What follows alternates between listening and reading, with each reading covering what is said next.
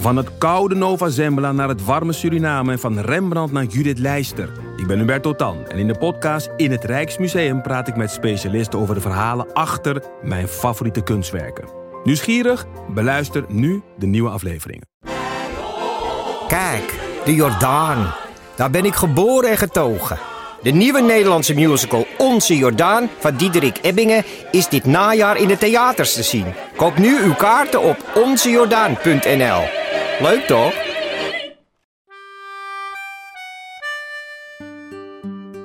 Dit is Man met de microfoon met echte en bijna echte verhalen. En mijn naam is Chris Baayema.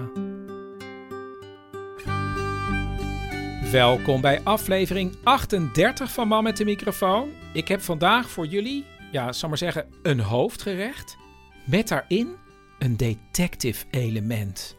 Dus ik zou maar blijven luisteren als ik jullie was. En ik heb ook nog twee voorgerechten. En het allereerste is, uh, jullie weten, ik word dit jaar gesponsord door Theater de Kleine Comedie in Amsterdam. En elke maand maak ik een kort verhaaltje voor ze. En deze keer is dat dit.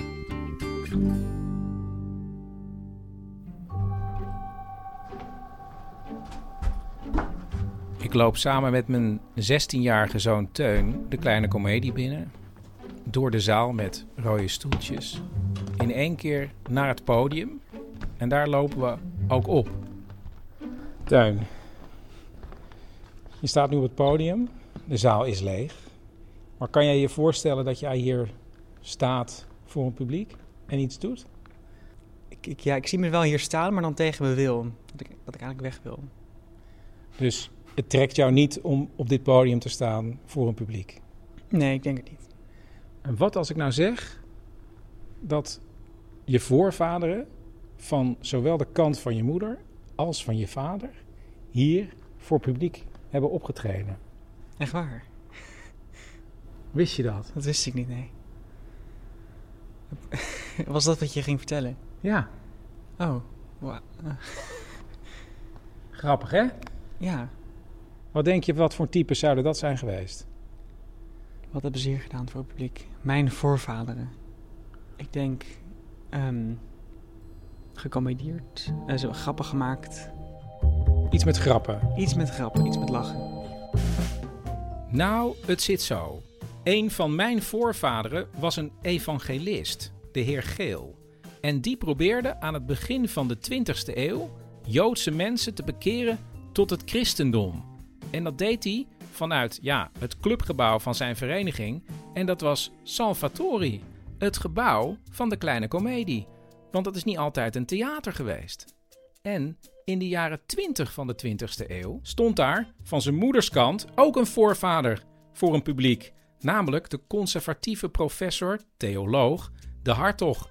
Die man scheen een fantastische spreker te zijn. En hij reageerde vooral in debatten op de linkse vrijdenker Constance. Die had een pamflet geschreven, De ellende der religie. Waarop hij meteen zijn eigen pamflet presenteerde, namelijk De glorie der religie. Kortom, twee voorvaders die hier optraden voor een eigen publiek. Dus Teun, je hebt gewoon twee religieuze figuren in jouw stamboom zitten die hier al op het podium hebben gestaan. Toch ben ik niet religieus opgevoed. Toch zonde.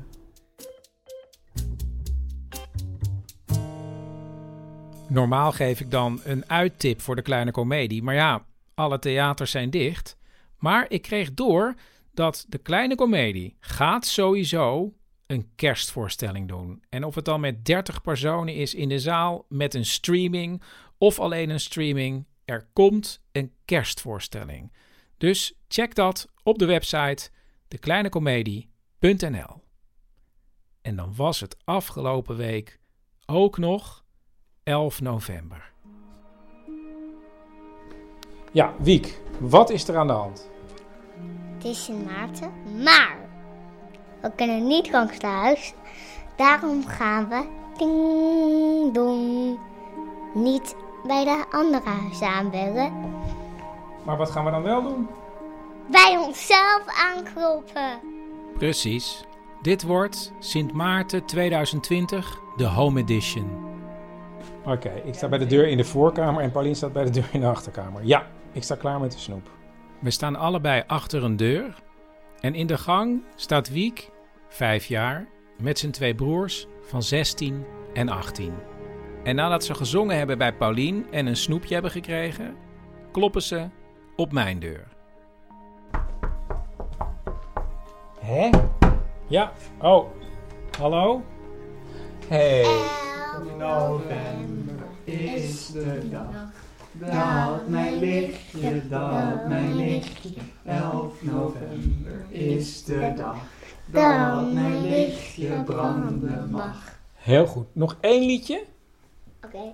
Sinte, Sinte Maarten, de koeien hebben staarten. De meisjes hebben rokjes aan, daar komt Sinte Maarten aan. Ontzettend goed. Kijk eens jongens. Nou, ik heb ook snoep. misschien wel Twee. Twee snoepjes. grootjes.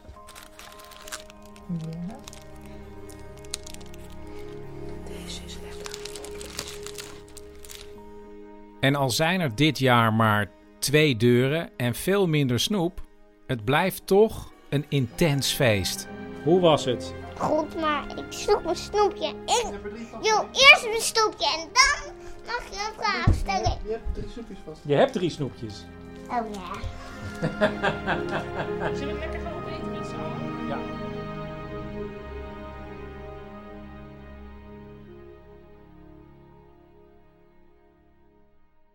Paulien, we zijn nu gekomen in de aflevering bij wat ik eh, in de inleiding noemde het hoofdgerecht. En jij weet ook waar het over gaat, toch? Ja, mag, mag ik het zeggen? Ja, Ja, over jouw jarenlange obsessie met teletext. dat klopt. Kun je daar iets over zeggen? Nou, jij kijkt, ik denk gemiddeld drie keer per uur op teletext. Nou, dat is wel heel veel. Maar ik, ik, ik mag graag op teletext kijken. Ja, Ja, en toen, en voordat ik jou kende, was ik niet. Ja, ik, was, ik wist natuurlijk wel dat teletext bestond, maar ik wist al helemaal niet dat het nog steeds bestond. Dat mensen er fan van konden zijn. Dat er een app van is inmiddels. Een app die er precies zo uitziet als vroeger op tv, wat ik heel sterk vind trouwens. Ja, en ik heb één heel groot punt aangaande teletext. Dat weet jij ook. Je bedoelt met eh, het WTC? Ja. Mag ik nog iets zeggen over teletext? Ja. Dat omdat jij er nu heel veel investigative journalism hebt gedaan over teletext, ik er ook meer naar ben gaan kijken. En dat twee dingen vind ik eigenlijk echt heel briljant aan teletext. Ten eerste, er staan geen plaatjes bij. Dus heel erg nieuws over bijvoorbeeld, er is nu dus een soort genocide geweest in Ethiopië. En dan kun je dat gewoon lezen op teletext zonder dat je ineens kan worden overvallen door een plaatje wat je niet wil zien. Dat vind ik goed. En, anders dan bijvoorbeeld nu.nl, is het zonder reacties van mensen. Want dat vind ik ook altijd heel erg, eh, ja, niet wat ik wil zien. Ja, nou, eh, het is nog wel briljanter dan dat. Maar daar, daar gaat deze aflevering dan verder ook Oké, nog wel maar over. dit was dan mijn lijken view of Ja, teletext. komen we nu bij wat jij zei al, eh, eh, het WTC. Ja. dan gaat over 9-11 2001. 11 september. Ja, 11 september 2001. Want toen keek ik ook al teletext, maar dan op tv. Heel vaak op een dag. Jij was toen der, bijna 30? Weet ik niet. Hebben we het niet over. Het gaat, het gaat erover. 16. Ik keek heel vaak op tele- teletext op tv, ook als er helemaal niks aan de hand was. En ik kan mij herinneren dat ik op 9-11 heb gelezen op teletext... sportvliegtuigje vliegt in WTC in New York. Ehm, maar ja, is dat waar? Want, Want ik, dat zou dan dus niet waar... Ik bedoel, dat was dan een verkeerde nieuwsmelding geweest. nou ja, of was- een allereerste nieuwsmelding dat ze eerst dachten... Dat oh, dachten het is eerst. eerst maar een sportvliegtuigje. Ehm, ik heb nooit iemand te pakken te weten te krijgen in mijn omgeving die dat kon bevestigen. Dus dat ga ik nu uitzoeken. Maar er is in ieder geval één andere hele grote fan van teletext, weet ik. En dat is Merel Rozen. Want daar heb ik sinds een paar maanden contact mee. Eh, dus die heb ik allereerst gebeld. En eh, ik wist niet precies sinds wanneer we dat van elkaar weten dat we fans zijn. Maar Merel wist het wel. Ja, ik weet nog wel precies wanneer ik erachter kwam dat Oh. jij het ook was. Wanneer? Want jij deelde mijn ervaring eh, in jouw podcast. En eh, eh, dat was namelijk omdat op een ochtend ehm, het coronavirus niet meer bovenaan stond in, op teletext, maar naar onder was verplaatst. Ja. Toen waren we allebei heel opgelucht van, oh wauw, wakker worden en dan de teletext checken en dan zien dat het coronanieuws niet meer het belangrijkste nieuws van de dag is. Ja. En toen ontdekten we, we kijken een beetje op dezelfde manier naar teletext. En vooral naar pagina 101, de nieuwspagina. Precies, juist. Ja. Het bijzondere van Merel is dat ze voor een teletext gewerkt heeft, namelijk bij de Amsterdamse tv-zender AT5.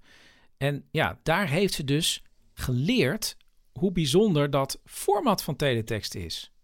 Ja, je moet dus binnen uh, drie alinea's, waarbij je ook nog per regel een aantal tekens hebt, moet je het belangrijkste nieuws melden.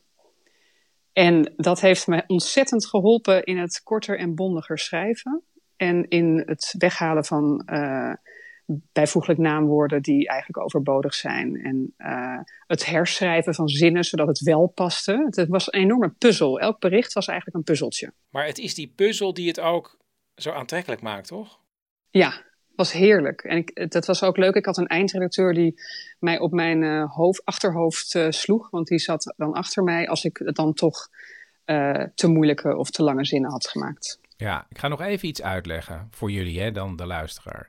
Je hebt dus een gewoon nieuwsbericht op pagina 107 bijvoorbeeld. Dat is dan forse stijging van het aantal banen. En dan hebben ze een nieuwsbericht in drie alinea's. Dus een klein verhaaltje van ongeveer 95 woorden. Maar op pagina 101 is een overzicht van het belangrijkste nieuws. En dat zijn losse zinnen. Bijvoorbeeld, Suu Kyi wint verkiezingen Myanmar. Dat zijn 33 tekens. Maar er is ruimte per regel voor 35 tekens. En in dit geval staan er dan nog twee puntjes achter. Maar forse stijging van het aantal banen, dat zijn precies 35 tekens. En de ja. grote uitdaging was, zeg jij het maar? Nou, om zonder puntjes een hele 101 te maken. En is jou dat wel eens gelukt? Eén keer. En heb ik daar toen een screenshotje van gemaakt? Zeker weten. En heb ik dat nog? Ja, dat heb ik inderdaad nog bewaard. Ja. Had ik toen op 9-11 maar een screenshotje kunnen maken. Maar ja, ik keek naar de televisie en we hadden natuurlijk ook niet de hele dag zo'n telefoon bij de hand dat je daar een foto van zou kunnen nemen. Maar ik wil zo graag weten of er ooit gestaan heeft: sportvliegtuigje vliegt in World Trade Center, New York. Uh, en dus neem ik contact op met de eindredacteur van de nieuwsredactie van de NOS. Dat is Dick Verkuil. En hij is ook hoofd teletext en werkt er al jaren voor. En voordat we het over het vliegtuigje hebben, moeten we natuurlijk ook uitgebreid hebben over teletext zelf. Bijvoorbeeld uh, dat het ja, zo bondig is. Want ik neem aan dat ja, niet iedere redacteur daar aanleg voor heeft. Ja, laten we zeggen, een zekere taalvaardigheid uh, moet je wel hebben. Of misschien wel een grote taalvaardigheid om het goed te kunnen doen.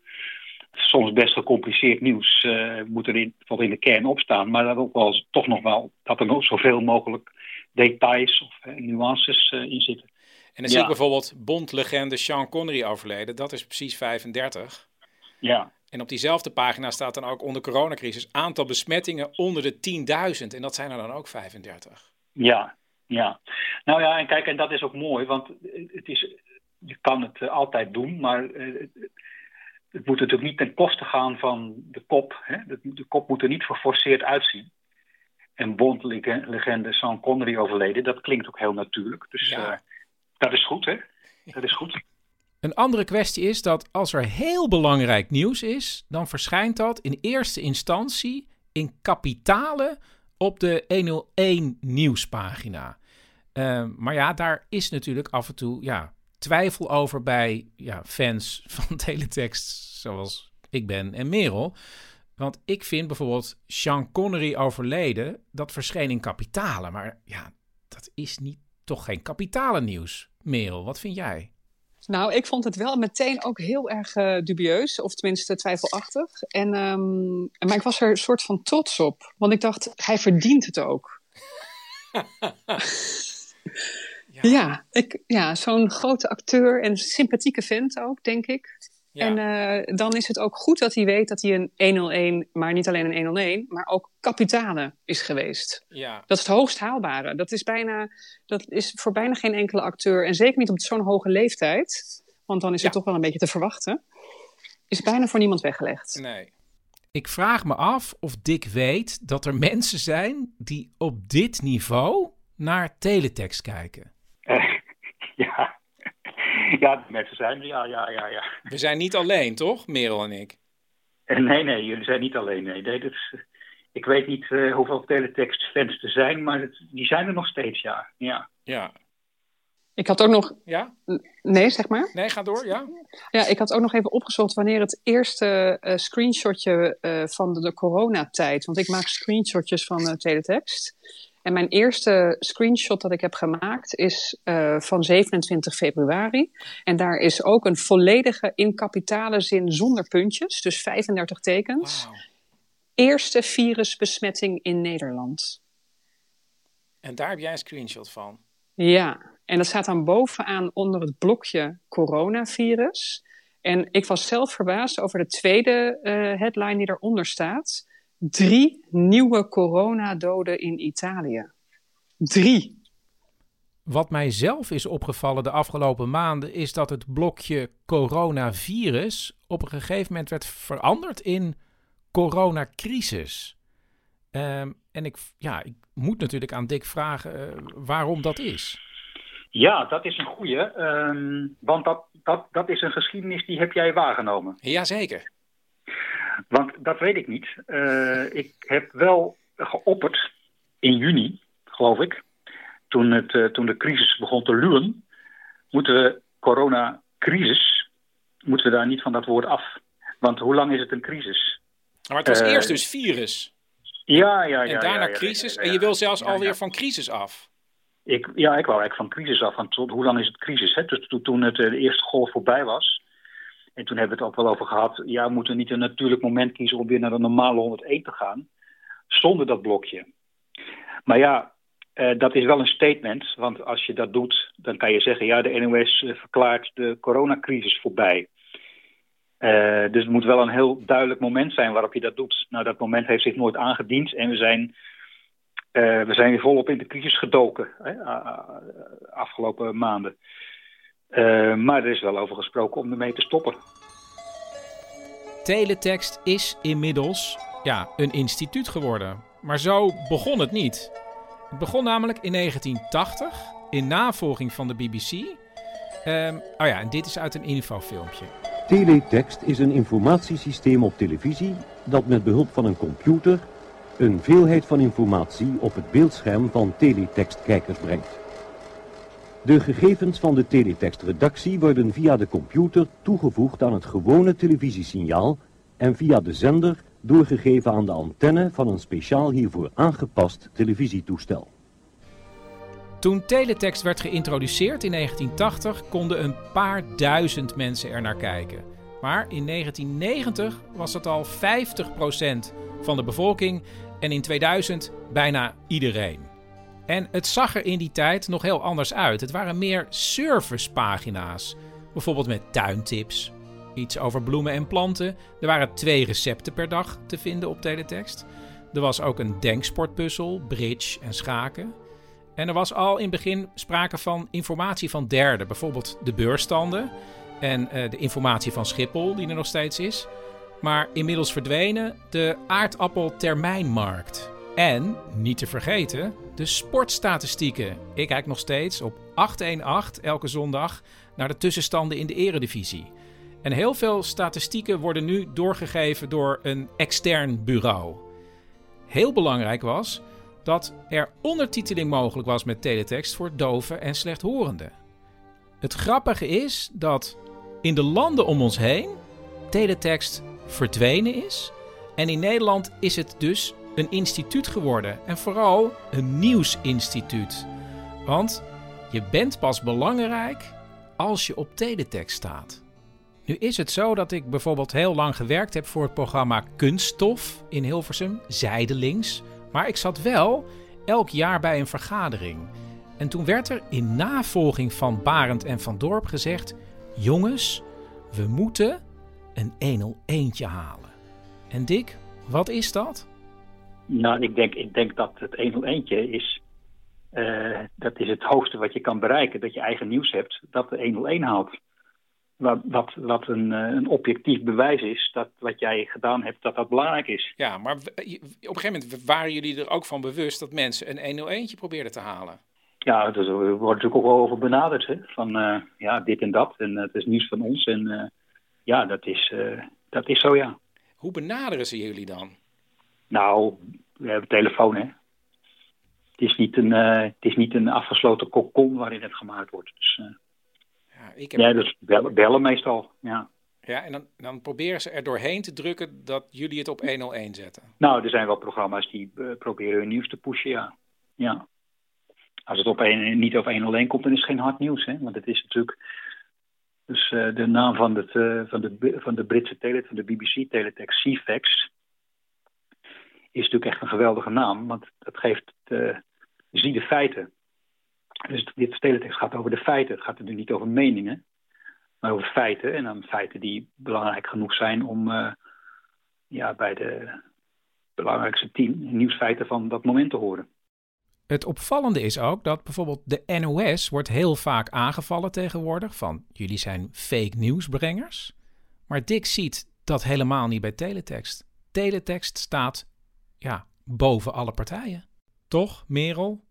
Ja, het, het, het voelt net als bij mij, hè? want ik heb ook, als het op teletext staat, dan is het waar. Wat heel veel mensen misschien niet weten, is dat het nieuws van teletext gewoon komt van de NOS nieuwsredactie, die ook al het online nieuws op nos.nl publiceert. Er zitten gewoon per dag twee mensen die dat nieuws op teletext zetten. En toch voelt dat anders. En het is ook echt wel anders. Want teletext is net altijd wat feitelijker dan NOS.nl. Maar ja, gaat dat misschien veranderen? Want Merel heeft iets ontdekt. Uh, er is iets echt heel erg opmerkelijks gebeurd. En ik weet niet of iemand in heel Nederland dit heeft gezien. Ik ben er wel een beetje een nerd natuurlijk. Um, het is namelijk zo dat uh, online zijn de uh, koppen heel erg veranderd. Dus het maken van koppen, headlines, uh, is uh, in de laatste jaren, doordat internet zo'n medium is waar iedereen op berichten moet klikken, zijn die koppen heel erg aangepast. Die zijn veel meer gericht op de emotie van de lezer. het zijn langere koppen geworden en um, minder de keiharde nieuwsfeiten. Terwijl teletext heel erg gebleven is bij dat soort korte, krachtige koppen. En uh, die koppen online zijn dan bijvoorbeeld dingen als waarom er morgen gestaakt wordt en wat jij daarvan gaat merken. Nou, was vroeger echt ondenkbaar, maar dat is een NOS-kop bijvoorbeeld. En nu, voor het eerst, had teletext ook zo'n kop. Hè? Ja, ik was helemaal in shock en het was ook nog een geel kopje. Terwijl normaal gesproken zijn de kopjes in blauw. Maar wat was het? Het was waarom uitslagen soms verschillen. Ja, dat ging over de Amerikaanse presidentsverkiezingen, waarin uitgelegd werd waarom de ene nieuwszender andere resultaten gaf dan de andere nieuwszender. Wauw, dit is een game. Dit noemen wij, als wij naar elkaar e-mailen, een gamechanger. Dit is zeker een gamechanger. Maar ik hoop toch dat ze dit niet vaker gaan doen.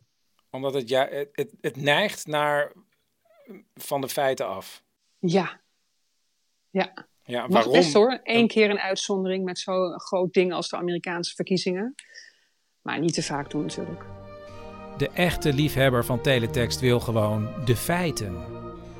En is het daar ooit fout gegaan?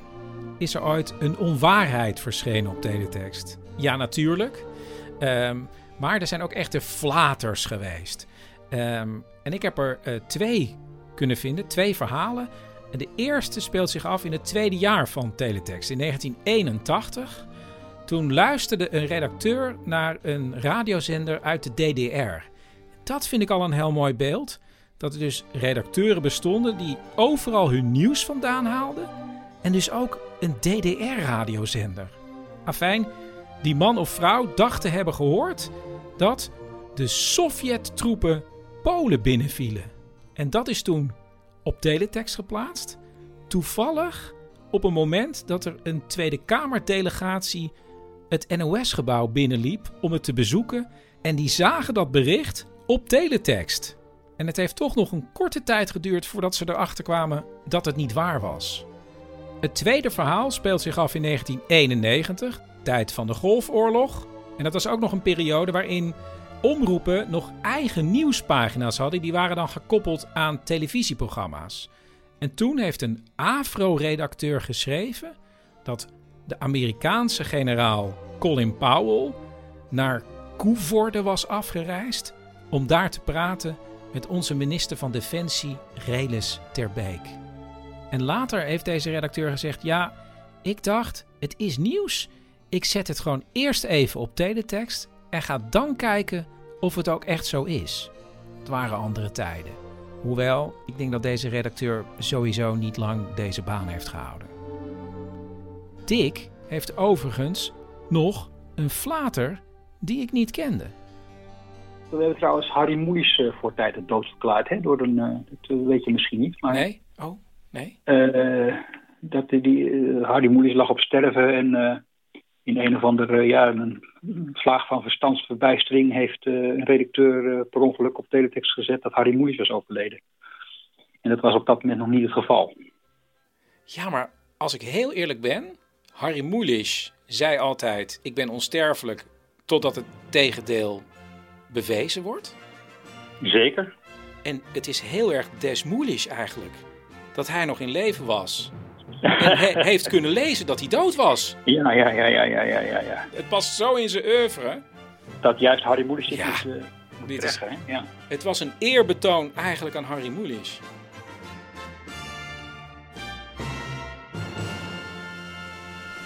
Wanneer je bij teletext werkt, al is het de teletext van de Amsterdamse zender AT5, dan heb je natuurlijk de macht om dingen naar je hand te zetten. Nou, ik had een, verjaardagsfeest in de zomer van een vriendin van mij. En zij zou het buiten vieren in, het Vondelpark in Amsterdam. En uh, zij zei tegen mij: uh, zorg even dat het goed weer blijft. En toen heb ik het weerbericht, want dat was ook een van mijn taken als teletextredacteur, zeer belangrijk, heb ik het weerbericht aangepast, zodat zij goed weer had. In ieder geval volgens teletext op AT5. En hoe zit het dan bij de echte teletext, die van de NOS? Ik heb toch ook aan Dick gevraagd, want het is natuurlijk zo, je hebt zoveel pagina's. Je kan natuurlijk op één pagina en dan een subpagina zou je voor iemand een persoonlijke boodschap kunnen achterlaten. Toch, Dick? Heb je dat ooit gedaan? Ja, ja, ja, ja. Ja, ja. ja dat is natuurlijk uh, amateuristisch gedoe. Maar uh, ik heb uh, in de jaren, begin jaren negentig, heb ik wel eens een, op een niet bezochte pagina een liefdesboodschap aan mijn geliefde geschreven. En ik heb ook wel eens een verhaaltje over mijn kat geschreven. Dus, maar dat is begin jaren negentig. Dus niet opgemerkt, gelukkig. En wat voor een liefdesboodschap was het?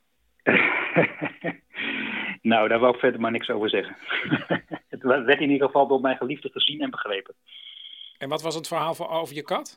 Dat weet ik niet meer. Oh. Dat weet ik niet meer. Het jammer is natuurlijk ook, van, uh, er is geen archief. Hè? Dus, uh, oh.